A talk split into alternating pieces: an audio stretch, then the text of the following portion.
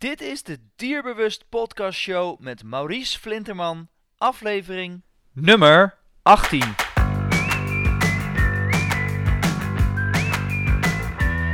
Welkom bij de Dierbewust Podcast Show, waarin je luistert naar experts die je voorzien van de beste informatie, tips en tricks op het gebied van honden.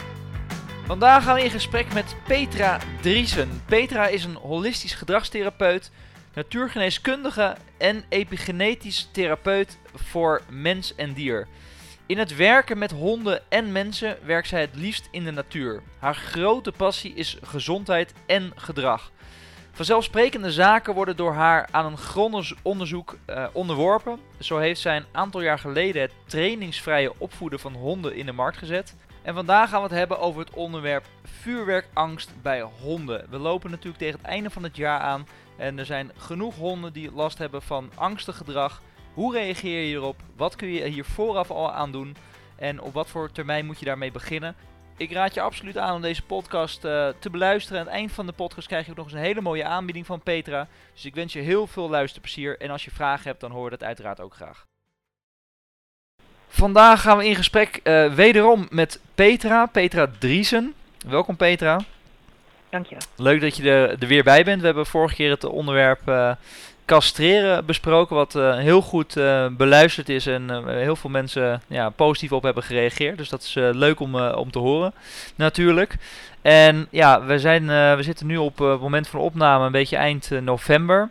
En ja, 2000, eind 2016 komt natuurlijk weer aan. En daar hebben we te maken met bij heel veel honden in ieder geval vuurwerkangst bij, bij honden. En dat wil iedereen natuurlijk op zijn eigen manier ja, verminderen of uh, natuurlijk het liefst voorkomen. Alleen het is natuurlijk altijd een lastig onderwerp omdat je het op meerdere manieren kunt benaderen. En ja, er is niet één manier die natuurlijk het beste is. Maar daarvoor is het goed om, om daar vandaag over te hebben. En uh, nou ja, ik denk dat heel veel honden, of heel veel honden-eigenaar ook wel zullen herkennen dat een hond angst heeft voor de har harde knallen en het hoge gegil van vuurwerkpijlen. Dus um, uh, Petra, uh, ja, in het verleden werd natuurlijk door sommige dierenartsen medicatie voorgeschreven bij vuurwerkangst. En er zijn discussies gaande over dit onderwerp, omdat het volgens tegenstanders spierverslappers zouden zijn, waardoor de hond zijn angst niet meer kan uiten, maar wel heel bewust de angst toch meemaakt. Hè, want je wordt eigenlijk een soort verlamd. Um, wat adviseer jij honden-eigenaren om absoluut niet te doen bij vuurwerkangst bij honden? En bedoel je dan specifiek als het gaat om medicatie of bedoel je gedragsmatig? Of... Nou, laten we eerst beginnen nou, met, met de medicatie, uh, ja. uh, inderdaad. Nou ja, wat, wat betreft de medicatie, dat is lastig. Er zijn natuurlijk verschillende soorten medicatie, maar als je praat over een veelgebruikt middel als alprazolam, um, dat is een heel kort snel werkend middel. En het bevordert de slaap en vermindert angst. Dus je zou zeggen dat is natuurlijk een superfijn uh, middel. Maar een van de uh, bijwerkingen is dat het kan leiden tot acute opwinding en verwarring. dus het is ja. een hele vreemde, een vreemde zaak eigenlijk.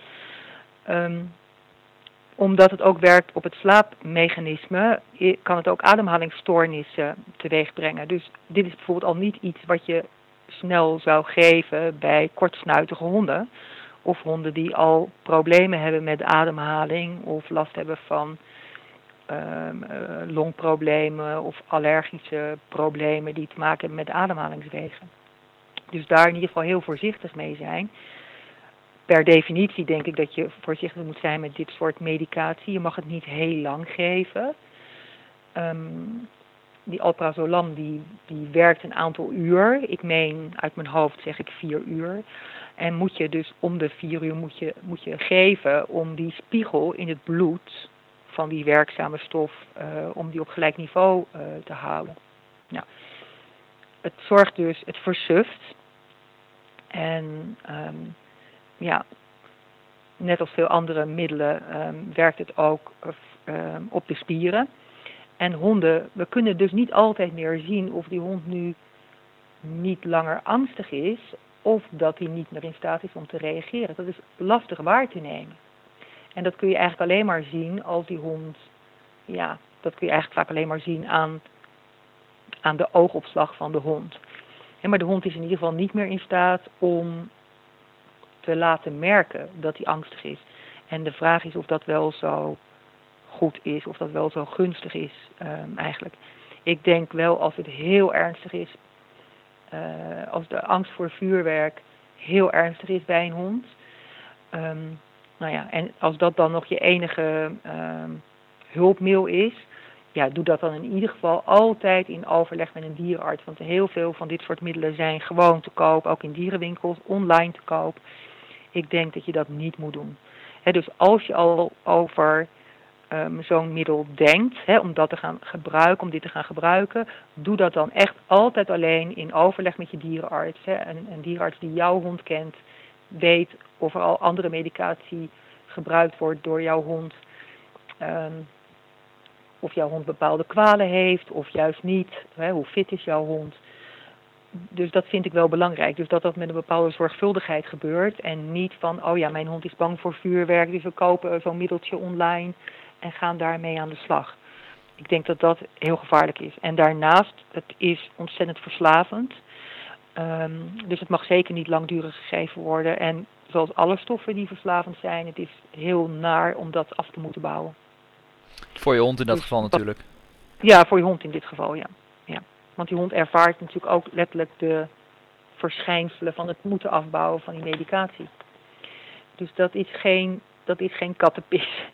En uh, ja, daar moeten we, dat moet gewoon echt in alle zorgvuldigheid gebeuren. En in hemelsnaam dat soort dingen niet zomaar aanschaffen en aan je hond gaan geven. Ja, dat, uh, dat is een, een goed, goed iets natuurlijk. Het, ja, het blijft gewoon een heel lastig iets. Hè? Want aan de andere kant, je wil natuurlijk ook niet dat je hond de hele avond staat te stuiteren. Omdat uh, staat te blaffen of, of trillend in een hoekje ligt vanwege dat, dat hoge gil en, en die vuurwerkpijlen. Dus ja, je, je zult daar toch een beetje een, een middenweg in, in moeten vinden. Is daar ook een, een andere manier voor dat je zegt van... Nou ja, we hebben die spierverslappers. Hè? We hebben een, een, middel dat je hond sneller in, in slaap brengt. Maar uh, je hebt natuurlijk ook manieren zoals bijvoorbeeld uh, kruiden, uh, bachbloesems, et cetera, ja. waar je naar kunt kijken. Eh, wat op internet volgens vele experts ook een hele goede, ja, goede, goed alternatief zou kunnen zijn. Ja. Nou ja, het grote probleem, Maurice, is natuurlijk dat er niet alleen op oudejaarsavond en nieuwjaarsochtend uh, vuurwerk afgestoken wordt. Maar nee. zoals bij mij, ik woon in de Randstad, hier wordt in oktober al vuurwerk afgestoken. En dan nog niet in enorme uh, hoeveelheden, maar er wordt hier al vuurwerk afgestoken. Dus die honden worden daar al, aan, en ook katten natuurlijk, en andere dieren, worden daar al bloot, aan blootgesteld um, ja, vanaf half oktober. En dat gaat dan gewoon door tot eind januari. En dat is dat is het probleem. Dus die hond die krijgt ook geen gelegenheid, of die kat krijgt ook geen gelegenheid om te herstellen van. Met stress uh, bedoel je dan, uh, denk ik, hè? Met die stress, ja. ja. Hij kan dus eigenlijk niet herstellen van die stress. Want ook de dag erna um, is, die, is die geur nog alom vertegenwoordigd in de, hele, in de hele lucht en atmosfeer. Er ligt overal um, vuurwerkafval op de grond. Um, ik heb een keer meegemaakt, jaren geleden hadden wij een bokser, een witte bokser. Die zijn sowieso wel wat gevoeliger. En op de dag na oud en nieuw liep ik gewoon hier buiten met de hond. En hij, uh, ja, hij moest natuurlijk plassen, plassen en zijn behoeften doen. En heeft dus waarschijnlijk met zijn poten ook door vuurwerkafval gelopen. Of uh, kruid of wat dan ook, wat nee. in het gras uh, lag, wat je niet ja. altijd kunt zien. En binnen een paar uur zat die hond echt van top tot teen helemaal onder de blazen. Van die grote soort blaren uh, op zijn hele lichaam. Waar, waardoor wij uh, uh, ja, niet zozeer in paniek raakten. Maar waar we natuurlijk wel heel erg van schrokken. Direct de dierenarts hebben gebeld op 1 januari. En nou, het advies was, zet hem inderdaad in bad en spoel hem af met lauw water. Want dit is dus gewoon een reactie op het inademen of het erin getrapt zijn met zijn poten, in aanraking gekomen zijn met, met, met kruid en, en, en alles wat er in dat vuurwerk zit. Dus het is niet alleen maar die oudejaarsavond. Want dan zou het nog voor mensen uh, en voor dieren waarschijnlijk uh, draaglijk zijn. Het gaat om een veel langere periode. En concreet betekent dat feitelijk ook dat je... Ja, je kunt die hond toch niet drie maanden drogeren... om ervoor te zorgen dat die hond niet angstig is. He, dat, dat is, ja. ja. He, dus ehm, de natuurlijke middelen zijn uh, veiliger, maar het is niet zo dat je natuurlijke middelen altijd zomaar moet gaan gebruiken. Ook dat moet je wel ehm, in goed overleg doen. Je goed laten voorlichten en eventueel in overleg met iemand die, daar, die deskundig is op dat gebied. Dus niet zomaar zeggen van, oh, ik ga ook een flesje van dit en ook een pilletje van dat gebruiken. De, ehm, de weinig echt veilige middelen zijn bijvoorbeeld de Bachremedies. Dus de Bach-bloesemremedies. Die uh, die zijn per definitie veilig om te gebruiken. Dus die, die kun je sowieso uh, inzetten. En dan is er een speciaal middel. Um, die is sinds, ik meen, vorig jaar op de markt speciaal voor huisdieren gemaakt. Omdat in de bachbloesemremedie zit altijd een vorm van medicinale alcohol. Waar dieren vaak een hekel aan hebben. En in die speciale lijn die nu ontwikkeld is voor dieren zit die alcohol niet meer. Dus dat is natuurlijk heel prettig. En die heet uh, Bach uh, Rescue Remedy for Pets. En dat is een samengestelde remedie. En die bestaat uit vijf bloesemtincturen die speciaal gemaakt zijn voor angst en paniek en stress. En die is sowieso altijd veilig om te geven, maar daar moet je dus wel even van tevoren mee beginnen. Niet maanden van tevoren, maar je moet niet wachten tot oudejaarsdag dus begin gewoon op het moment dat er echt gewoon behoorlijk wat vuurwerk afgestoken wordt al in jouw leefomgeving. Begin dan al met de bachbloesem uh, remedies. Ja, omdat het even tijd nodig heeft om in het lichaam uh, zijn werk te doen? Of? Nee, het heeft, niet, het heeft geen tijd nodig. Het werkt eigenlijk vrijwel direct. Maar um, je moet ervoor zorgen dat die hond dus niet al die angst opbouwt dus dat die hond al niet die enorme stress opbouwt. Dus als jij, als er in jouw leefomgeving vanaf half november uh, al verschrikkelijk veel vuurwerk afgestoken wordt, bouwt die hond al dusdanig veel stress op. En eigenlijk ben je dat, uh, is, wordt het lichaam eigenlijk al geconditioneerd. Dus die hond wil al niet meer naar buiten, loopt al met de staart tussen zijn benen, trekt al aan de lijn omdat hij terug wil vluchten naar huis. En als jij dan uh, op het laatste moment met een bachbloesemremedie wilt, wil gaan werken, ja, dan, dan kan die bachbloesem daar niet zo heel veel meer doen. Omdat, omdat het al zo ernstig is en al zo opgebouwd is. Ja, het is niet meer acuut. Het is al een chronisch probleem geworden, feitelijk, die angst. En ja, dat is, dat is natuurlijk heel lastig. En dan kun je vaak alleen nog maar iets bereiken met die, met die reguliere middelen, die dus dierverslappend zijn. Dus begin vroeger. En niet omdat het middel niet direct werkt, maar omdat je juist moet voorkomen dat die enorme stress en die angst zich zo aan het opbouwen is. Ja, en is het dan dat zo? Is, want dat ik, is de reden dat ik, ik kan me voorstellen dat op het moment dat jij een. Uh, ik heb zelf een, een angstige hond. Die uh, gaat uh, voor de ruiten staan blaffen. En die heeft met name op, op oudejaarsavond. Op het moment dat er zeg maar richting die, die 12 uur gaat. Dat het echt los gaat. dan heeft hij met name heel erg veel last van. Ja. Maar het is natuurlijk zo, dat, dat is natuurlijk ook opgebouwd. En dat is in de jaren is hij daar natuurlijk. ja, heeft hij een, een negatieve ervaring blijkbaar met vuurwerk gehad waardoor die zo reageert. Um, en op het moment dat je dus Bachbloesem gaat geven, of in ieder geval een van die middelen die je net uh, niet aangaf, is het dan zo dat een hond er helemaal niet op reageert? Ja, dat zal een beetje per hond verschillen natuurlijk, maar wat, wat kan je daar dan aan, uh, van verwachten als, als hondenliefhebber als je dat gaat geven uh, en je bent op tijd met geven? Nou, als je op tijd bent met geven en je hebt het juiste middel gekozen, want ik, ik, ik werk heel graag met de Bach, maar dat wil niet zeggen dat het voor ieder hond het meest geschikte middel is. Als ik bijvoorbeeld kijk naar, uh, mijn dochter heeft twee honden. En een van die honden is dus ook angstig voor vuurwerk. En daar maken we een combinatie van een aantal uh, zaken. Daar geven we dus uh, de Bach Rescue for Pets, hè, dus de speciale voor huisdieren, al in een vroeg stadium. Dus dan beginnen we al eind november mee in een gewone lage onderhoudsdosering. Maar daar geef ik bijvoorbeeld ook puur rust dat is een, uh, een, een, poeder, een samengesteld middel. Um, waar een aantal kruiden in zitten, maar waar bijvoorbeeld ook magnesium in zit, vitamine B6. En dat zijn wel de stoffen die je ook nodig hebt om te kunnen ontspannen. Als er te weinig magnesium is en te weinig van een aantal B-vitamines kun je al helemaal niet ontspannen. Dus als een hond bijvoorbeeld van nature al angstig is, dus als een hond niet alleen maar bang is voor vuurwerk, maar al een, een enigszins angstige hond is, dan moet je misschien voor hele andere middelen kiezen of een aantal middelen combineren. Dan heb je dus niet voldoende aan alleen um, die bachdruppels. Want dan is er vaak ook een uitputting te zien van magnesium of een uitputting van de B-vitamines bijvoorbeeld. omdat als je, als je al angstig bent als mens of als dier zijnde, dan is dat een soort uh, plundering van je, van je mineralen en van je B-vitamines. Ja. Dus dan zit die hond daar al in de tekorten. Vergelijk het maar met een auto waarbij je uh, de tank leeg rijdt. Ja, dan kun je 1 liter benzine tanken, maar daar kom je dan de straat niet mee uit. En dat is dus ook zo met, met het geven van dit soort middelen.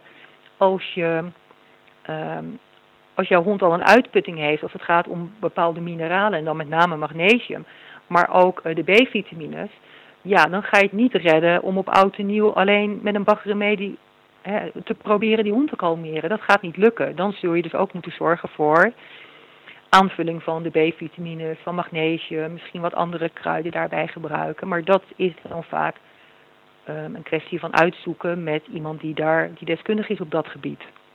Ja, dus het is de, de samenstelling is eigenlijk heel erg belangrijk als ik jou goed begrijp. Ja. En ehm, dat kun je dus het beste met iemand doen die daar uh, veel verstand van, uh, van heeft. Um, maar hoe kun je er dan achter komen uh, dat je op de goede weg bent in die periode naar uh, oudejaarsavond toe?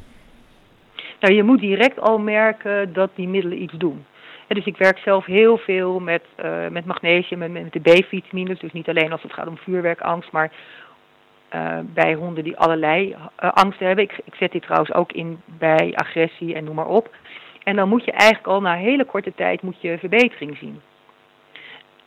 En dan praat ik over twee, drie dagen. En dan verbetering, het gaat er eigenlijk om dat die hond beter met de prikkels kan omgaan en dat die sneller herstelt.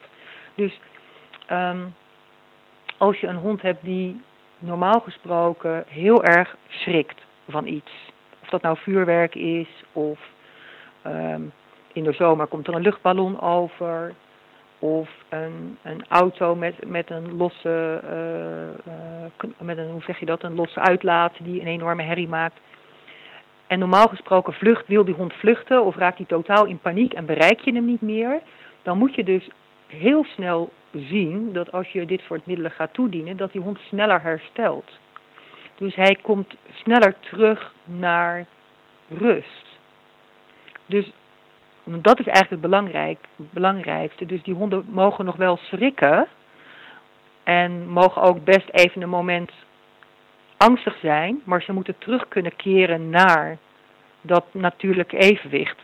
En daar gaat het dus bij de meeste honden mis. En dat is dus ook wat niet gebeurt met de reguliere middelen. Want die onderdrukken eigenlijk alleen die angst. En zorgen er dus niet voor dat die hond kan terugkeren naar dat evenwicht.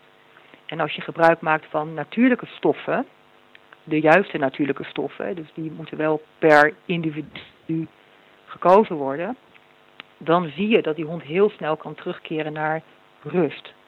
Ja, en dus dan blijft zeg dus maar niet in die verbetering. Hij blijft niet in die peak of state uh, zitten van, uh, van angst nee. of, of, of uh, stuiteren, waardoor hij zeg maar op een gegeven moment weer verder kan. Terwijl een hond die dat dus niet heeft, die blijft dus eigenlijk opgefokt en rondlopen alsof die... ja. ja. Ja, ik vergelijk het altijd een klein beetje met, nou, ik heb, ik heb twee herders, het zijn allebei herplaatsers, ze zijn dus ook stressgevoelige honden. Nou, als er hier iemand heel dicht langs het huis loopt, dan blaffen ze. Maar dan is die persoon voorbij en, en ik zeg tegen ze dat er alleen maar iemand voorbij liep. En dan zijn ze weer rustig en kalm en gaan ze weer gewoon liggen of hun eigen dingen doen. Dus dat herstel is snel. En je ziet ook meteen weer, oké, even een piek, we blaffen even met z'n allen en daarna is het klaar. Nou, wat je ziet bij honden die heel angstig zijn, en met name angstig zijn voor vuurwerk, is dat ze inderdaad in die piek blijven hangen. Dus ze kunnen niet meer terug naar rust. En dat vreet energie en dat vreet ook grondstoffen. dus dat vreet mineralen, dat vreet B-vitamines, dat vreet ook eiwitten. Um, dus je krijgt een uitputtingsslag op het lichaam. Dus niet alleen mentaal, emotioneel, maar ook fysiek. En doordat, doordat, het, dat zich, doordat dit zich opbouwt, ehm, kan die hond ook uiteindelijk steeds minder snel herstellen, omdat er een uitputting is van grondstoffen. En, en er vinden conditioneringen plaats. Je zegt uh, daarbij van uiteindelijk wordt het natuurlijk uh, fysieke problemen. Uh, heb je voorbeelden van fysieke problemen die je vaker bij honden voorbij ziet komen waar zo'n uitputtingsslag heeft plaatsgevonden? Nou ja, een van, de, een van de belangrijkste dingen en die je gewoon eigenlijk kunt voelen is dat die hond letterlijk heel strak in zijn vel zit. Ik, ik gebruik heel veel, ik werk heel veel met massage als middel om honden te, de gelegenheid te geven om te ontspannen. En dan, dan, dan wil je zo'n hond aanraken.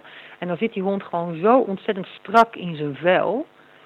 Dat, um, dat je die huid eigenlijk niet, niet meer kunt masseren. Je kunt die huid niet tussen je vingers nemen, zeg maar. Nou is natuurlijk ook niet de bedoeling dat die hond alsof die in een, in een losse zak zit, in zijn vel zit. Maar het gezegd is niet voor niets, je moet goed in je vel zitten. Hij zit lekker in zijn vel. Oh, ik zit lekker in mijn vel. Dus lekker in je vel zitten is zowel mentaal, emotioneel als uh, fysiek. dus um, dat zie je aan een glanzende vacht, maar ook aan een soepele vacht. Dus die vacht die moet soepel zijn. Dus wat je het eerste ziet bij honden is dat ze strak in hun vel komen te zitten op bepaalde, op bepaalde plekken. En met name is dat de rug en uh, dichtst bij de hals en de rug dichtst bij het bekken.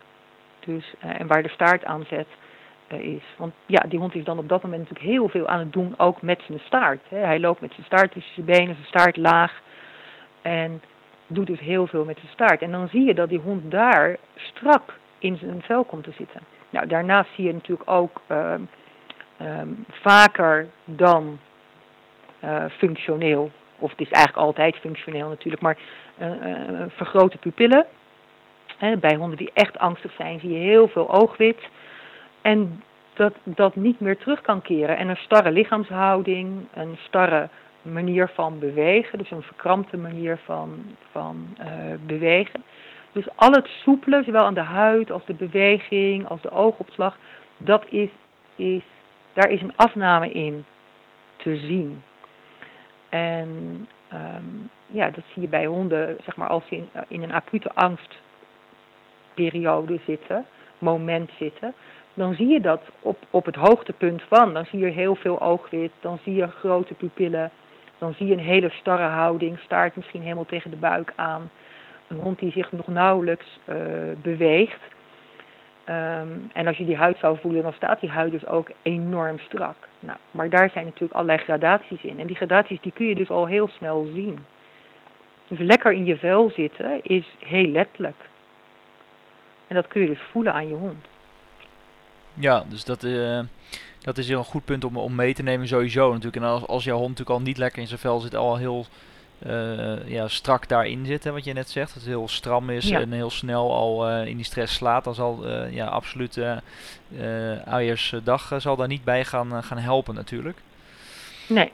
Um, maar dan helpen de natuurlijke middelen um, als je die pas op dat moment gaat geven ook niet. Dus wat je moet doen is, als je een hond hebt die al heel erg angstig is of angstig is van nature, dan, dan is het belangrijk om al maanden van tevoren um, te werken aan die stress. Per definitie, omdat je daarmee het welzijn van de hond uh, verbetert. Maar niet gaan wachten tot dat we bijna bij oudejaarsavond zitten. En dan hopen dat je nog iets kunt doen met een baggermee. Dat is, ja, dat is omdenken noem ik dat altijd. Daar, daar ga je dan niet meer mee redden. Nee, exact. Dus uh, dan zou je al eerder zeg maar supplementen kunnen inzetten. Zoals je net zei, uh, magnesium, vitamine uh, B, B5 ja, in dit geval. Ja, ja. Om, om dat zeg maar te ondersteunen in ieder geval. Ja, dus ik gebruik eigenlijk bij honden, als er sprake is van stress, gebruik ik altijd uh, magnesium en de B-vitamines. Altijd. Ja. En, dan moet je ook voor goede, goede merken kiezen uiteraard en de juiste verbindingen, want magnesium wordt ergens aan gebonden en niet alle vormen van die verbinding kun je even goed opnemen, dus dan is het rendement weer uh, laag. En ehm, ook daarin moet je gewoon even goed laten adviseren. Wat, zijn, wat, is, wat is de juiste magnesium voor jouw hond? Ja. En, ehm, en gebruik altijd uh, ortomoleculaire uh, supplementen. Want op ieder supplement staat maar 2% natuurlijke stoffen in zitten. Mag het al natuurlijk genoemd worden. En ja, dat is een beetje jammer. Maar daar kan die hond dan niet zo heel veel mee. Dus dan geef je, geef je iets aan je hond waar hij niets mee kan. En het is ook nog een keer um, een, een, een, uitgave. Um, ja, heb je een uitgave gedaan waar je niets aan hebt. Ja, dus, dus laat je ook in dat geval eventjes adviseren door iemand, is, door iemand die bekend is met het werken met dit soort uh, supplementen. Er zijn een aantal dierenartsen die bekend zijn met het gebruik van dit soort supplementen. Er zijn therapeuten die daarmee bekend zijn. Dus daar, uh, ja, daar kun je, of, of wend je sowieso tot een orthomoleculair therapeut um, om te vragen wat voor jouw hond het beste is. Ik geef bijvoorbeeld zelf ook niet zomaar advies als ik de hond niet ken of de hond nooit gezien heb. Dus ik geef geen online adviezen of um, telefonische adviezen, mits ik de hond bijvoorbeeld goed ken. Dus als, een, als ik iemand op les heb gehad um, of ik ken de hond goed, dan kan ik, kan ik een gericht advies geven. Maar zomaar een middel voorschrijven, ook al zijn het alleen maar B-vitamines, ja, dat doe ik niet graag, want ik wil wel gericht adviseren. Ten eerste omdat het, je wil het juiste effect uh, uh, bewerkstelligen. maar je wil ook niet zomaar iets geven. Want het is niet zo dat al die middelen ook onschadelijk zijn. Dus ja. verkeerd gegeven is per definitie niet goed. Ja, dus het, uh, even samenvattend. Uh, je bent dus een voorstander van natuurlijke middelen zoals de bachbloesems. En daarin, ja. uh, de keuze daarvan die je erin maakt, hangt dus heel erg af van de situatie en van hoe jouw hond op dat moment, eh, in welke staat die verkeert. Ja. Maar je bent niet per definitie tegen de medicatie van dierenartsen met onder andere bijvoorbeeld spierverslappers. nou, voor, het is het liefst wat genuanceerder. Ik zou het voor mijn honden nooit doen. Um, maar ik kan me voorstellen eh, dat als, als jij een hond hebt die echt zo ontzettend in paniek raakt, dat het, ja, dat het lijden is voor dat dier. En dat het ook lijden is voor jou als, als eigenaar of als gezin. En je hebt alles al geprobeerd en niets werkt. Dan zou ik zeggen, oké, zet zo'n middel in. Maar doe dat altijd in overleg met de dierenarts die jouw hond ook kent. En koop dit soort middelen niet online of bij een dierenwinkel of wat dan ook. Dus gebruik dit echt alleen als er echt niets anders is. Um, en dan echt alleen in overleg met de behandelende dierenarts. En niet zomaar. Want daar gaan dus, hè, dus mensen die op, op, uh, op, op, uh, op, op kerstdag nog beslissen van, oh ja, ik ga nog eventjes bij mijn dierenarts uh, wat van die middeltjes bestellen. Ja, dat vind ik geen handige zet maak het wel echt even bespreekbaar met je dierenarts, zodat je dierenarts ook weet uh, om, wat, om wat voor hond het gaat. En dat je niet zomaar, uh, je moet niet zomaar iets gaan afhalen. Nee.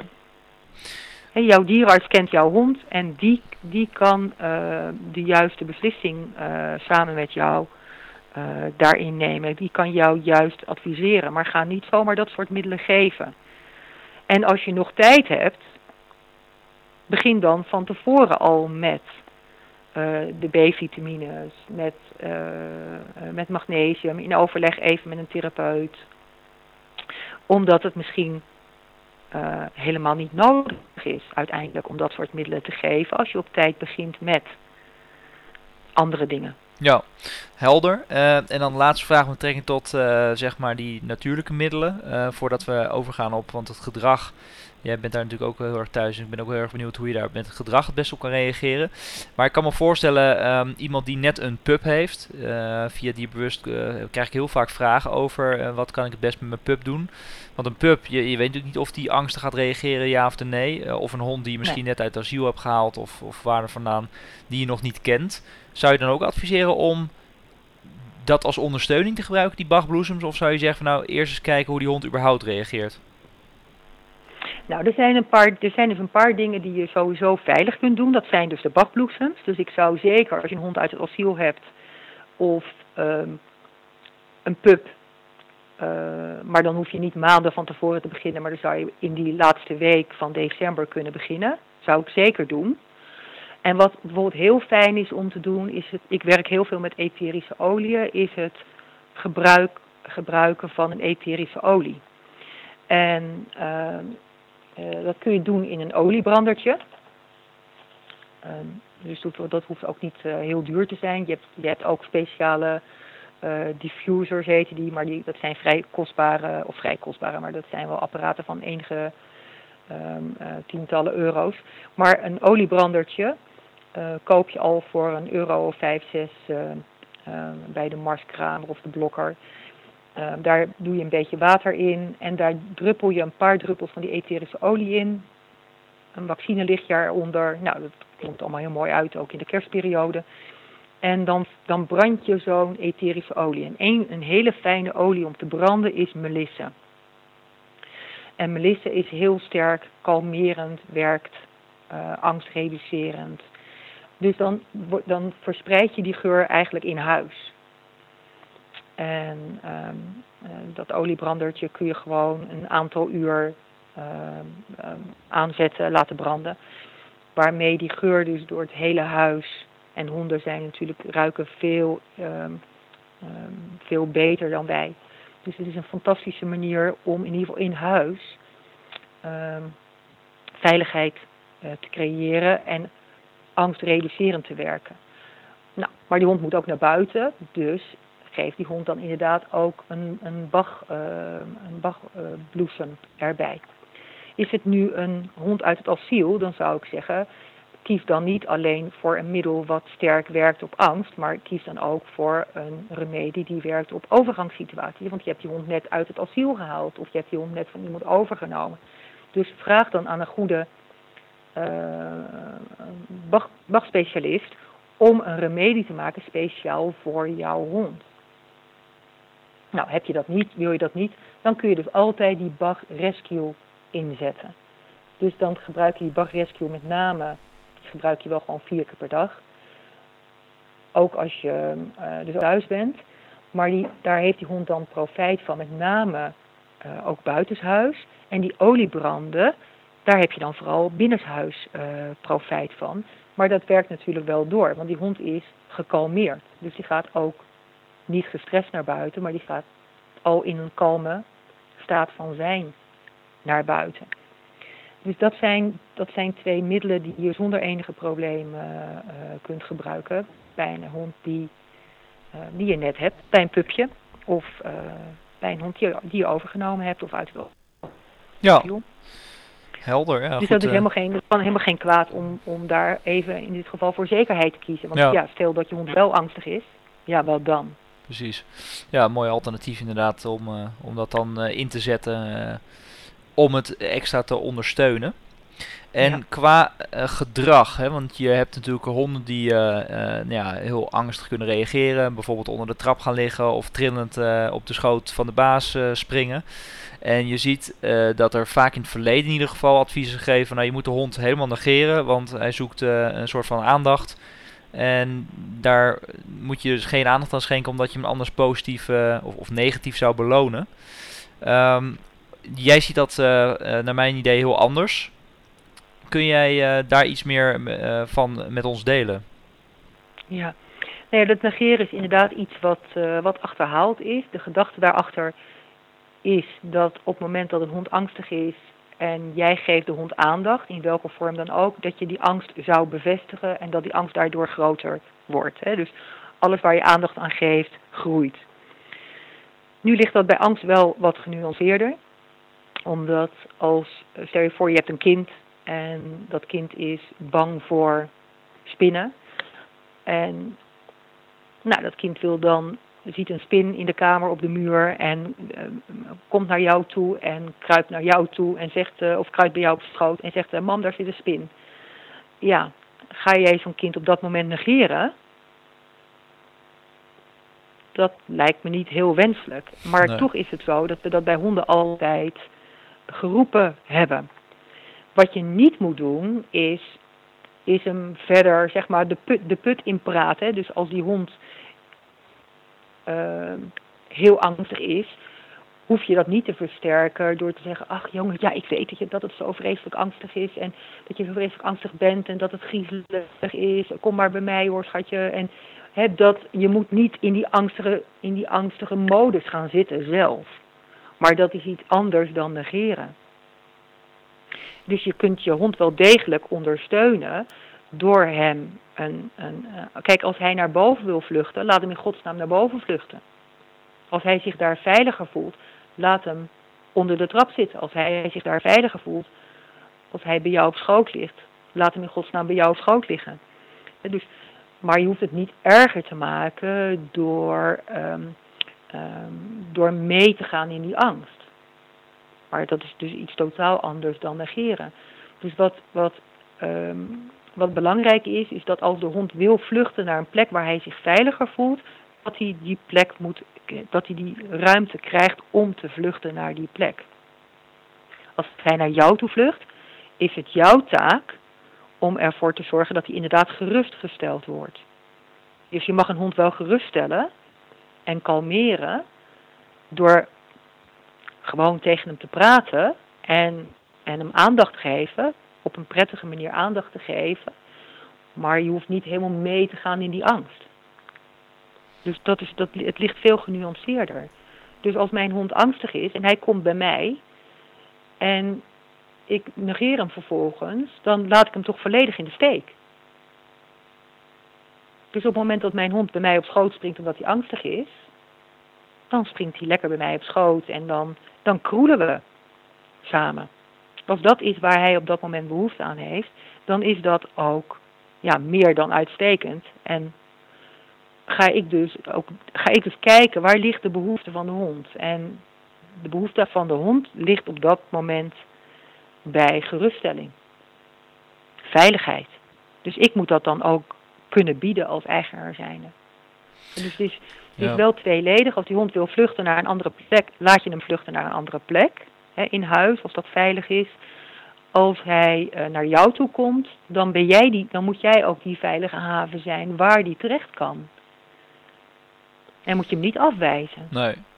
En als je een hond hebt, want dat zie je natuurlijk ook nog wel. Uh, honden die min, ja, zijn natuurlijk wel ook wel angstig. Die reageren ook met angst. Alleen die slaan de andere kant op. Hè. Die zijn heel erg uh, getriggerd door geluid of door licht. En die gaan bijvoorbeeld er juist op af. En dat is natuurlijk ook buiten ja. lijkt me dat erg gevaarlijk. Dus ik zou sowieso adviseren om dan je hond sowieso vast te houden dat er niks kan gebeuren met dat vuurwerk. Maar hoe, hoe ja. zou je daarmee uh, omgaan? Want dan zou de bachbloesem dus ook heel goed uh, kunnen werken. Maar ja. uh, hoe zou je daarop reageren? Nou goed, daar kun je dus ook eigenlijk al, want dat betekent ook al dat die hond al zo hoog in stress zit, dat hij eigenlijk al reactief wordt. Hè, dus dat hij op alles reageert. Er is natuurlijk ook een voortdurende overprikkeling. Want het, ja, dus, uh, vuurwerk is geen, is geen normale zaak eigenlijk. En dus die, die overprikkeling is er voortdurend en dat vraagt dus meer grondstoffen. Dus dat is sowieso belangrijk om daar aan te werken. Je hond aan de lijn houden. Als je hond wil vluchten naar huis, dan vlucht je naar huis. Want als, je niet, als, hij, als die hond naar huis wil vluchten en jij gaat hem de andere kant op sleuren, ja, dan, dan wil je die hond eigenlijk overtuigen van het feit dat het dus blijkbaar ergens anders veiliger is dan thuis.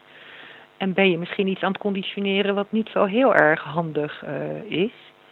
Maar het is natuurlijk wel belangrijk dat die hond uh, aan de lijn blijft. Zodat hij niet als hij terug naar huis wil, uh, de weg oversteekt en onder een auto loopt. Dus, en daarom is het ook belangrijk dat als jouw hond naar jou toe komt, dat jij hem inderdaad die veiligheid biedt. Want als jij hem die veiligheid niet biedt, zal die in ieder geval bij, bij angst en bij paniek nooit naar jou toe komen. Als jij hem negeert of hem afwijst, ja, waarom zou die dan naar jou toe komen als hij angstig is? Dus ik heb mijn honden altijd die veiligheid geboden. En wat zij dus ook doen als ze angstig zijn, is dat ze naar mij toe komen. En ik ze geruststel op dat moment. Dus het is belangrijk om ook buiten dat gedrag niet te negeren, niet die hond mee te gaan sleuren. Je uitlaatmomenten desnoods zo kort mogelijk. Heb je een tuin, nou laat die hond desnoods in de tuin plassen en zijn behoefte doen. Uh, hoe vervelend dat misschien ook is. Maar ga die hond niet dwingen om buiten lange wandelingen te maken. Eh, pak desnoods uh, de auto en rijdt uh, naar een plek waar geen vuurwerk afgestoken wordt. Want het meeste vuurwerk wordt toch afgestoken in de woonwijk en in de stad. En niet in buitengebied. En dus neem eventueel de moeite om een wandeling, een lange wandeling te maken um, in buitengebied. En voor de rest gewoon naar buiten voor een plas en weer naar binnen. Ja, dus uh, probeer inderdaad die, uh, die tijd zo, uh, zo kort mogelijk te maken. En ga niet denken van, oh, mijn hond heeft zoveel energie, ik ga nog eventjes lekkere uren laten rennen, inderdaad. Want nee, en ook inderdaad, he, ga op andere momenten. Want het meeste vuurwerk wordt afgestoken door jongeren. En die zijn op bepaalde momenten buiten. En op oud en nieuw zijn ze vaak hele dagen buiten, maar die week daarvoor en die week daarna niet. Dan zitten ze of op school of ze zijn aan het werk.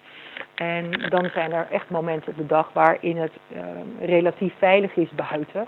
En je dat, die soort momenten uh, kunt kiezen om met je hond eventueel een wat langere wandeling te maken. Maar voor de rest uh, plassen, je behoefte doen en weer naar binnen. En laat die hond in hemelsnaam, geef die hond de gelegenheid tot vluchten. Als je dat vluchten gaat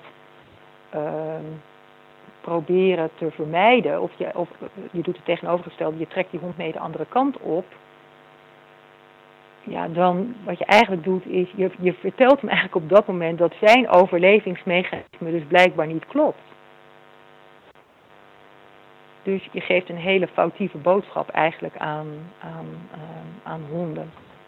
Waardoor ja, de stress alleen maar meer toeneemt, maar ook het vertrouwen in jou enorm beschadigd kan raken.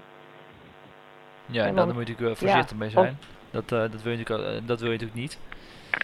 Nee, je wil natuurlijk niet dat je wil dat je hond jou vertrouwt. Dus op het moment dat er, um, nou, ik, ik, ik noem even een voorbeeld wat niets te maken heeft met vuurwerk, maar wat wel heel degelijk te maken had met angst. Ik liep met mijn hond uh, uh, in de bossen, in Ermelo. Nou, daar heb je echt nog bos waar je gewoon de hele dag niemand uh, tegen kunt komen. En ik liep daar met hem en hij loopt aan een lange lijn. En op een gegeven moment blijft hij staan. Kijkt alleen maar eigenlijk in de verte en gromt. En een hele lage houding, zijn staart helemaal laag. En ik blijf ook staan en ik, en ik vraag aan hem van, wat, wat is er jongen, wat ruik je, wat zie je? En hij bleef grommen, echt met een hele diepe grom en in de verte kijken. En ik kon helemaal niet zien, ik rook niet raars, ik zag niet raars. Maar hij blijkbaar wel. Dus ik zei, zullen we teruggaan? En hij draait zich om en hij loopt de andere kant uit. Hm. En ik ben samen met hem teruggelopen. Dus ook vertrouwen op de wijsheid van je hond. Dit is iets wat hij normaal gesproken niet doet. Hij geeft aan dat daar iets bijzonders is waarvoor hij dus blijkbaar angstig is. En we gaan dus terug. Nou, wat wij met honden doen die naar huis, ons naar huis willen sleuren als ze angstig zijn voor vuurwerk. Ja, we gaan tegen die honden zeggen, hé, hey, uh, kap eens eventjes.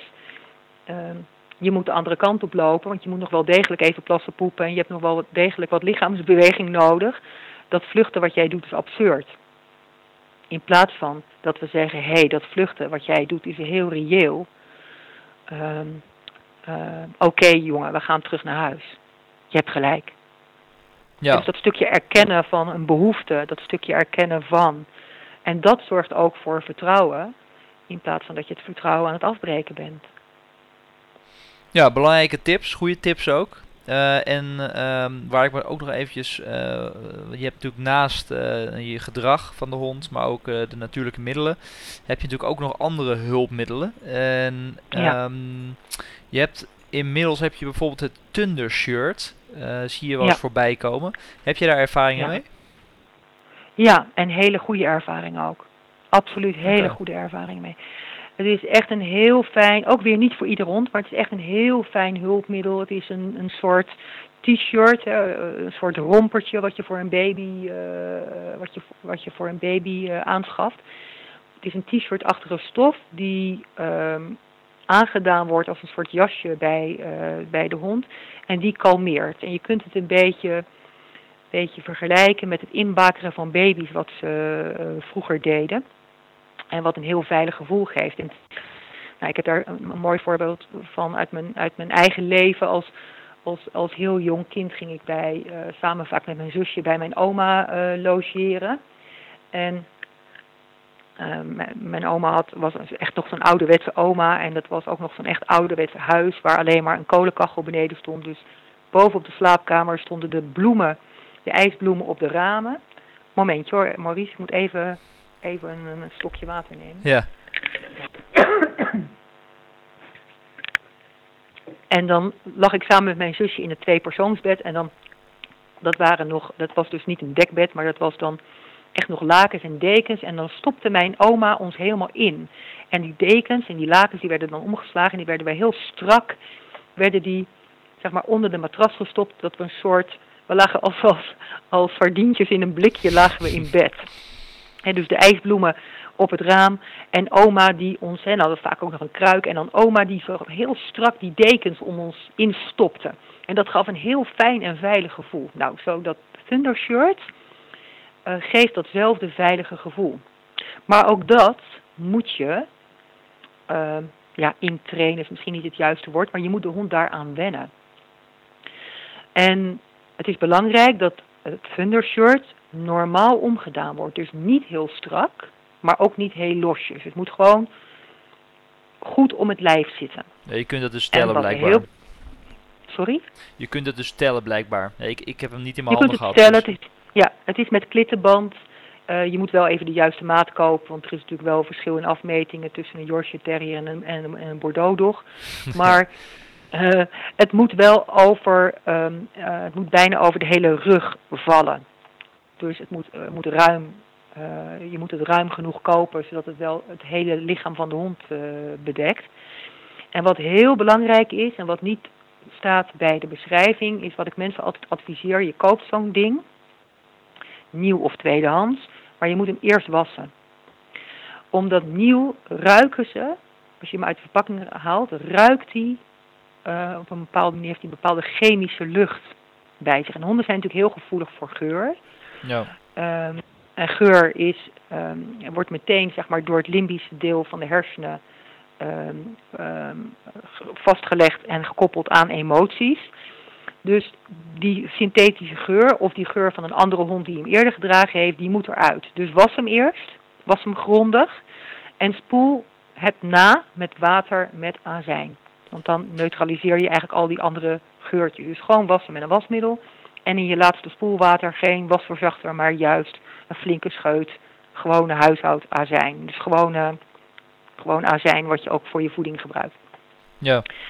En dan ga je hem, uh, als, als, als het dat ding vervolgens droog is, leg je hem gewoon op de grond en mag die hond er gewoon aan snuffelen.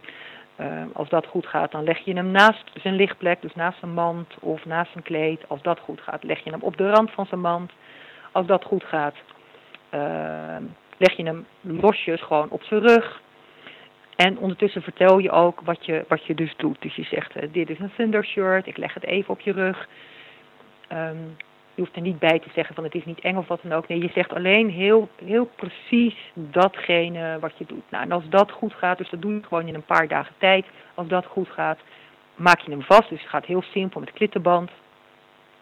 En laat je hem zo eens even een paar minuten om terwijl je gewoon in huis bent. En dan kijk je goed hoe die hond erop reageert. En je mag hem alleen laten met het thundershirt om. Uh, want er kan niet zo heel veel gebeuren eigenlijk.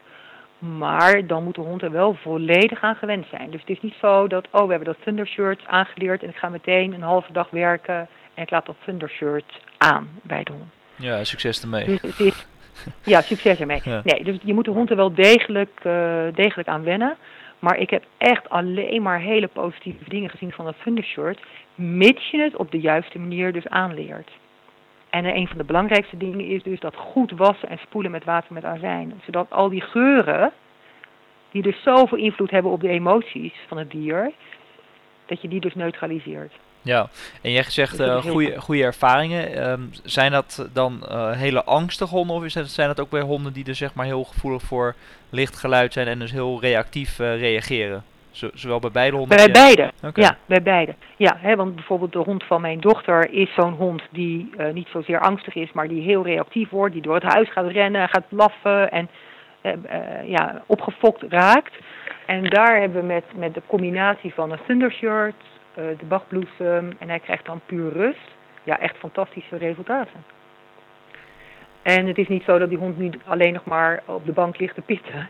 Maar hij is wel gewoon kalm en kan normaal omgaan met de situatie. En als er eens een keer uh, enorm veel vuurwerk wordt afgestoken, begint hij wel even te blaffen, maar is heel snel weer. Oh, ik ben weer gewoon rustig en kalm en het is, het is allemaal weer gewoon oké. En dat is belangrijk, dat we weer terug kunnen keren naar rust. Ja, en, maar ik heb het ook, ook honden die bijvoorbeeld, ik heb dat Thundershirt met name ook uh, ingezet bij honden die angst, uh, angstig zijn in de auto. Dus waarbij we niet te maken hebben met een hond die bijvoorbeeld wagenziek is, dus dat die misselijk is of wat dan ook, maar gewoon honden die angstig zijn in de auto. En dan ook vaak wel een combinatie maken van supplementen, begeleiding, dus coaching, maar ook een Thundershirt. En daar gewoon echt hele goede dingen mee, mee bereiken. Dus het, het Thundershirt is, is echt ook wel een, een heel fijn hulpmiddel om in te zetten bij honden met angsten en zeker bij vuurwerkangst. Maar ook weer tijdig mee beginnen. Um, ja, opbouwen. En niet uh, hup dat shirt uit de verpakking halen, aandoen en wonderen verwachten. Nee, nee dat is logisch. Dan gaat het niet werken. Nee. Nee, Dat, is, uh, dat, dat, klinkt vrij, vrij logisch. Uh, een hond moet daar gewoon aan wennen natuurlijk. En, ja. en Peter, als laatste vraag. Want uh, heb jij naast het tunne shirt en alle tips die je hebt gegeven nog andere tips of, of iets wat je zegt van nou dat zou je nog eens kunnen proberen? Hulpmiddelen? Nou ja, wat sowieso fijn is, is de massage. En um, ik geef les in masseren, het masseren van honden, ook aan collega's. Maar uh, iedereen kan natuurlijk gewoon zijn hond masseren. Het enige wat je moet onthouden is dat je dat zo rustig mogelijk doet. Want op het moment dat je die hond heel rustig masseert, komen er bij die hond en ook bij jou stofjes vrij die zorgen dat hij zich dus prettig voelt. En op zijn gemak en comfortabel. Dus hoe je je hond ook masseert, je moet in ieder geval wel echt masseren. Dus niet aaien, maar echt masseren. En je moet dat zo traag mogelijk doen. En hoe trager je masseert, je moet bijna zelf in slaap vallen, bij wijze van spreken, dan, uh, dan komen er dus geruststellende stofjes vrij uh, bij die hond en bij jouzelf, waardoor die hond gewoon beter met die stress kan omgaan. Dus die massage is bij mij altijd een wezenlijk onderdeel van, de, van alles wat ik inzet. Maar iedereen kan dat natuurlijk gebruiken. Iedereen aait zijn hond al, dus waarom zou je die hond niet masseren in plaats van dat je de hond aait? En, en hem gewoon op schoot nemen of bij hem gaan zitten op de grond. Uh, en hem masseren. En, uh, en de meeste mensen masseren dus te snel, dus langzaam masseren. Ja, en als je dan masseert, uh, gebruik je daar dan nog een bepaald massagemiddel ook voor? Nee. Gewoon nee. Je handen en, uh, en de rust. Dus, ja, en, uh, ja, en voelen. Dus het belangrijkste is dat mensen ook zelf gaan voelen. Want dan voel je ook dat die hond rustiger wordt. Je ziet het ook, hè? je ziet het aan de oogopslag.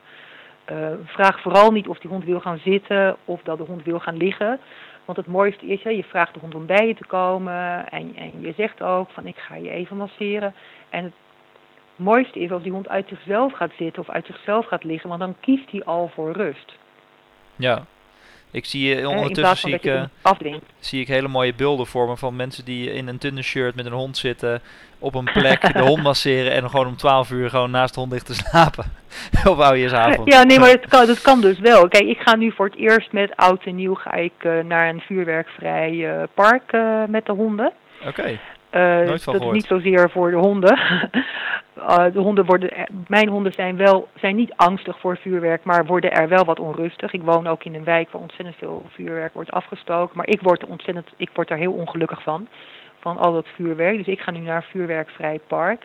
Maar wat ik tot nu toe altijd heb gedaan, is dus inderdaad, uh, ik masseer ze. En ja, je kunt eventueel nog hè, de gordijnen fluiten en de tv hard aanzetten of muziek aanzetten of wat dan ook. Maar het zijn allemaal labmiddeltjes natuurlijk.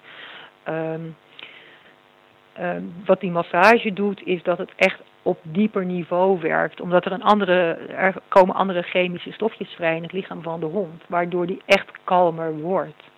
En dat is heel prettig om te doen. En als je toch thuis, niet weggaan in ieder geval natuurlijk met oud en nieuw. Dus blijf thuis voor je hond. Um, zolang als ik honden heb, ben ik altijd met oud en nieuw thuis geweest voor mijn dieren. En, maar masseer ze inderdaad. Dus ook al heb je een hond die helemaal niet angstig is, dan nog kan het fijn zijn om die hond uh, op oudejaarsavond, vlak voor of tijdens het vuurwerk, uh, te masseren om te zorgen dat hij ook in die ontspanning blijft. Ja, niet een, uh, niet een heel... moeilijk Sorry? Nee, ik wil zeggen, niet een heel onbelangrijk advies inderdaad. Dat, uh, de, de, ja, dat, dat vind ik vanzelfsprekend. Maar je ziet inderdaad ook wel eens mensen uh, van huis gaan naar een feestje. Die uh, sluiten de hond op in de gang en ja, die wensen hem heel veel succes. En, en ja, dat is natuurlijk als je een, een bange hond hebt, dan is dat funest. Ja, nou ja, maar het geldt ook, hè, we hebben het nu over honden, maar het geldt ook voor katten en het geldt ook voor allerlei andere dieren. Uh, laat je dier niet in de steek. En uh, dat op, op, niet op grof niveau, uh, dus in de zin van je gaat de deur uit, jij gaat zelf naar een feestje of naar, naar familie of vrienden. Maar ook niet op fijn niveau, hè, dus op, het, op, op microniveau, dat je die hond dus gaat negeren of in de steek laat. Ja. Op het moment dat hij wil vluchten of dat hij juist bij jou wil komen, op schoot wil kruipen, omdat hij jouw steun nodig heeft en bij jou veiligheid zoekt. Dus je moet die hond zowel op microniveau als op macroniveau moet je die hond wel um, ondersteunen. Uh, Ten slotte is dat ook jouw verantwoordelijkheid. En uh, die hond heeft niet gevraagd om die, om die vuurwerkgekte. En aangezien het zulke extreme vormen aanneemt, ook in Nederland, moeten we ook helaas met honden uh, tot allerlei maatregelen overgaan. Om, ik, ik, heb een, ik heb een cursist en die heeft een, een wat ouder iemand al. En die heeft een, een, um, een, uh, een volkstuin op een volkstuinencomplex wat helemaal buiten de stad ligt. En die gaat op oudejaarsmiddag al naar dat volkstuin, volkstuintje toe. Blijft daar gewoon in een slaapzakje, in een, in een, in een leunstoel, in een, hoe zeg je dat, in een tuinstoel uh, overnachten met de hond. Om pas de andere dag terug te keren naar de stad. En denk ik, ja, dat het zover moet komen, is, is natuurlijk absurd. Maar ja, als dat nodig is, dan ja. is dat dus wel nodig. Nee, ik herken het wel. Ik heb vorig jaar, ik had de hond van mijn moeder op uh, bezoek, ook met de oudejaarsavond. En uh, ik ben heel romantisch met mijn vriendin, hebben een, uh, een fles wijn meegenomen. En hebben de honden in de auto gezet en zijn we in de polder ingereden, waar gewoon veel minder vuurwerk is. Waarin ook alles veel meer op afstand is. Waardoor het voor de honden ja. toch makkelijker is ja. om het om, op afstand zeg maar iets rustiger te kunnen aanschouwen. Natuurlijk uh, ja. moet je rustig doen met de fles wijn. Uh, maar het, het, heeft voor de honden in ieder geval heel goed geholpen. Uh, ik moet wel zeggen, mensen in de omgeving konden er wel om lachen. Maar wij vonden het op zich wel een goed plan. Nee, maar het is een heel goed plan. Weet je, het is een heel goed plan. En als je zelf ook niet geeft om al het gedoe rondom het vuurwerk en jij kunt daar afstand van nemen, ja, is dat natuurlijk, is dat natuurlijk een fantastische manier. Waarom niet? Ik ben altijd, ook in de periode dat we kleine kinderen hadden, zijn wij altijd thuis gebleven. Uh, dus er, kwam hier bezoek. Wij gingen niet op bezoek, er kwam hier bezoek om te zorgen. Wij hadden ook een grote groep honden en katten. Dat je niet die dieren gewoon in de steek laat op het moment dat je uh, de deur uitgaat. En maar vooral ook op andere manieren dus ondersteunen. En, en alles wat er gezegd wordt over, ja, je moet het negeren, jij moet de leider zijn, jij moet laten zien dat er niets aan de hand is. Ja, dat is dus flauwekul, want er is wel degelijk iets aan de hand. Ja. Er is wel degelijk iets aan de hand en door te gaan doen alsof er niets aan de hand is, maak je jezelf heel erg ongeloofwaardig. En um, ja, ben je ook bezig om het vertrouwen van de hond in jou um, te ondermijnen. Ja. Dus dat, uh, en, en dan ook nog een keer, ja, waarom mag een hond verdorie niet angstig zijn? He, als hij angstig is, help hem daar dan mee. Ja, maar het is niet, het is, je hoeft je niet te schamen voor het feit dat je een hond hebt die angstig is. Dat is natuurlijk onzin. Nee, maar nou, doe alles wel in goed overleg. Hè. Dus uh, gebruik alleen die middelen die veilig zijn, zo'n thunder shirt goed aanleren. Uh, een etherische olie branden uh, is veilig. De bag is veilig. Maar alle andere dingen zoals supplementen, kruiden, uh, en als je uiteindelijk moet, moet grijpen naar reguliere middelen, doe dat alleen in, samenspraak met een deskundige. Ja, dus vraag, uh, vraag om advies daarin. Ja, uh, Petra, ontzettend uh, bedankt. Uh, super goede tips. ik denk dat je daar heel veel mensen heel blij mee maakt. Um, en ja, ik had er zelf ook weer heel veel van geleerd, dus dat is, dat is zeker mooi. Bedankt daarvoor. Uh, als afsluiter, um, nou, we altijd naar de belangrijkste levensles. Die heb jij in je vorige uh, podcast over castratie bij honden heb je die al gegeven. Dus die kunnen mensen daarin ook terugluisteren. Um, maar daarin is het wel zo dat het, doordat er zoveel interesse ook was voor castratie bij honden, hè, hoe je dat, wat je absoluut niet en wat je wel zou, zou kunnen doen, geef jij volgende week 24 geloof ik, hè, 24 november. Nee, 7 december. Woensdag oh, sorry. 7 december. 7 december, dus ja. het is nog een week, uh, één of twee weken verder. Twee weken, ja. Geef jij op 7 december dus een, uh, een workshop? Een fysieke workshop? Een lezing. Ja, een lezing. Een lezing. Ja. Dus misschien kun jij mensen daar even over bijpraten wat jouw ideeën daarover uh, over zijn. Nou, ik heb besloten naar aanleiding van het feit dat er zoveel um, geluisterd is naar de podcast over castratie en de werking van de geslachtshormonen. Ik heb al eens eerder daar een lezing over gegeven, maar ik heb nu besloten om daar een gratis lezing uh, over dit onderwerp uh, te geven. Uh, in zoverre het is op donatiebasis. Ehm, je bent van harte welkom op de lezing. Het is op woensdagavond 7 december in Zevenhuizen. Um, in provincie Zuid-Holland. En ik geef die avond daar alle informatie over de geslachtshormonen, de werking van de geslachtshormonen, wat er gebeurt als je een hond uh, castreert of steriliseert en uh, waarom je dat beslist uh, beter niet kunt doen. En die lezing is dus gratis toegankelijk. en gratis toegankelijk. Het enige wat ik dus vraag aan mensen is: meld je wel even van tevoren bij, bij mij aan op, uh, via mijn e-mailadres info.hondenschoolpetradriesen.nl en Driesen is met één S. Iedereen is welkom. Er kunnen 100 mensen in de zaal. dus uh, bij 100 stoppen we. Ja. En het enige wat ik dan verder vraag is als mensen um, na afloop iets willen geven op donatiebasis. Um, dat ik um, mogelijk de zaalhuur eruit heb, dan is dat fijn. Wil je niets geven, kun je niets missen, is dat ook goed. dat blijft, blijft volledig anoniem. Um, ja, dus iedereen die geïnteresseerd is, is uh, van harte welkom om te komen luisteren.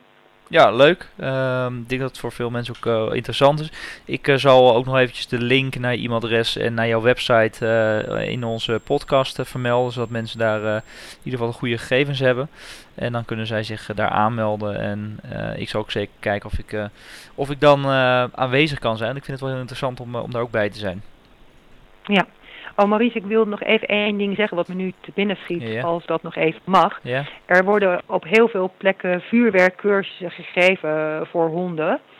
En uh, daarvan zijn een aantal zinvol en een heleboel niet zinvol, omdat um, over het algemeen de mensen die met een hond naar een vuurwerkcursus toe gaan, zijn honden die al angstig zijn.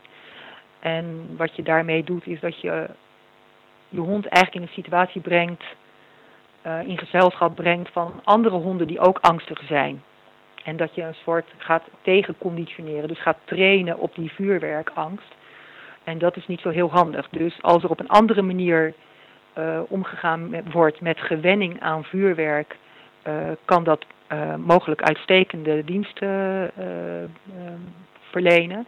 Maar die echte vuurwerktrainingen waar honden allemaal komen die ook angstig zijn voor vuurwerk, die, die raad ik echt zeer beslist af. Ja, dat is een goede toevoeging. Dat uh, lijkt mij inderdaad ook niet heel handig. Maar dat uh, ja, laat mensen dat in, in hun oren knopen. En uh, ja, wil je daar wel naartoe gaan, meld je dan gewoon even af, zou ik zeggen. Ja, nee, goed. Het is even goed om te kijken van ja, wat wordt er nou precies gedaan op zo'n vuurwerkcursus? Hè? Wat gaan we daar nu precies doen? Uh, ga je daadwerkelijk bouwen aan het vertrouwen, aan de relatie, um, dat die hond mag vluchten, hè, alle dingen die wij besproken hebben, of wil je die hond leren um, dat hij naar jou toe vlucht als hij angstig is? Dat zijn natuurlijk allemaal hele positieve dingen. Maar wat niet moet gebeuren is dat die hond in het gezelschap is van nog zeven, acht honden die angstig zijn voor vuurwerk. En dat we daar massaal volgoefeningen gaan doen of iets dergelijks. Of zitoefeningen, ja. dat die moet blijven. Dat is niet verstandig. Om uh, hè, onder, het, onder het genot van het afsteken van vuurwerk. Dat je die hond gaat leren blijven of gaat leren volgen of uh, dat soort uh, dingen. Dat werkt absoluut averechts. Dus daar heel voorzichtig, daar heel voorzichtig mee zijn. Dus als je een vuurwerkcursus hebt geboekt of als je voornemens was om daar naartoe te gaan, uh, onderzoek eerst wat er, wat er nou precies gedaan wordt in zo'n cursus. Ja, goede tip. Oké Petra, in ieder geval hartstikke bedankt voor, voor alle informatie. En ik hoop jou absoluut op een later moment nog een keer te kunnen uitnodigen over een, over een leuk onderwerp. Maar in ieder geval bedankt voor, jou, voor je informatie. Graag gedaan Maurice en tot ziens. Tot ziens. Bedankt weer voor het luisteren naar onze podcast met Petra Driesen. Wederom weer een heel interessant met heel veel informatie over wat je wel en niet moet doen als jij te maken hebt met een hond die angstig is voor vuurwerk.